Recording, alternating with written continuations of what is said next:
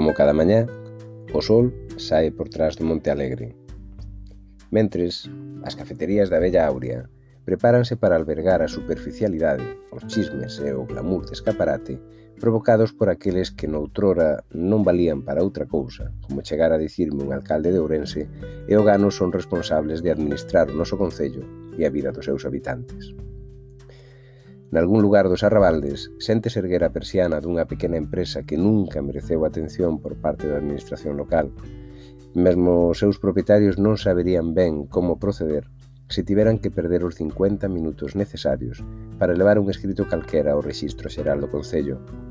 E quen sabe, tal vez unha persoa maior se feche na casa, desbotando a idea de sair a dar un paseo por medo a ser atropelada, pois ela é a responsável tal e como se encargaba de lembrarlle o Concello de Ourense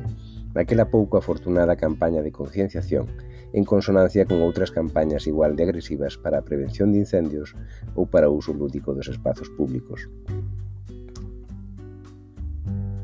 Así esperta cada día a cidade na que non pasa nada.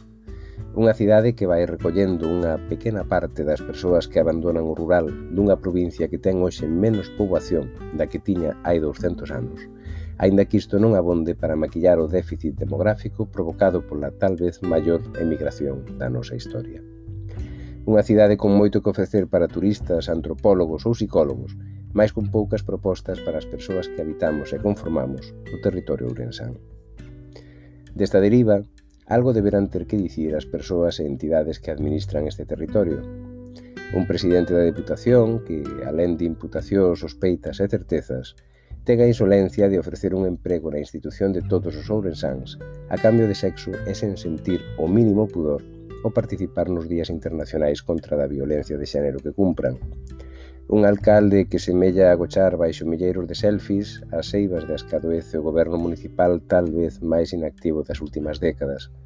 Unha administración que segue creando o espazo ideal da burocracia en bucle, dificultando e cargando de responsabilidades cada vez máis a vida do administrado.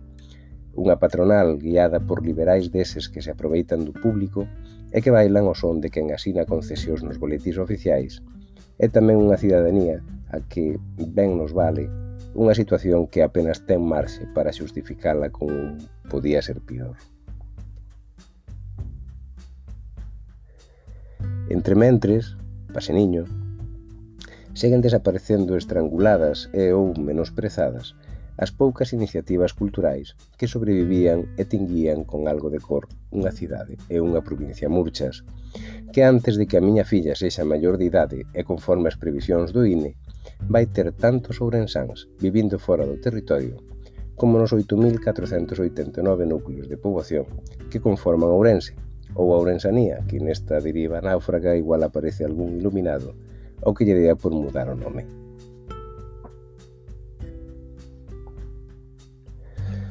A provincia, líder mundial na produción de lousa, noutrora líder europea en produción de castañas, chea de viñedos e de denominacións de orixe,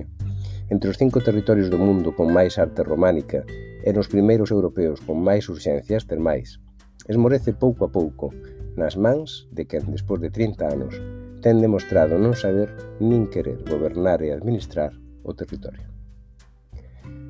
Pero iso é algo que nos importa pouco aos poucos ourensáns que quedamos vivindo aquí.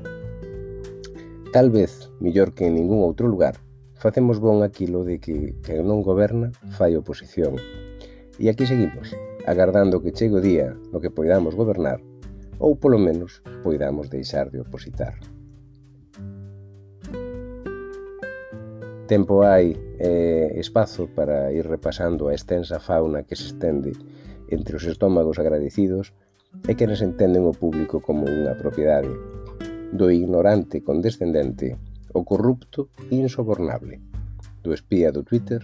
o enchufado reconvertido en activista radical contra o nepotismo. E seguimos.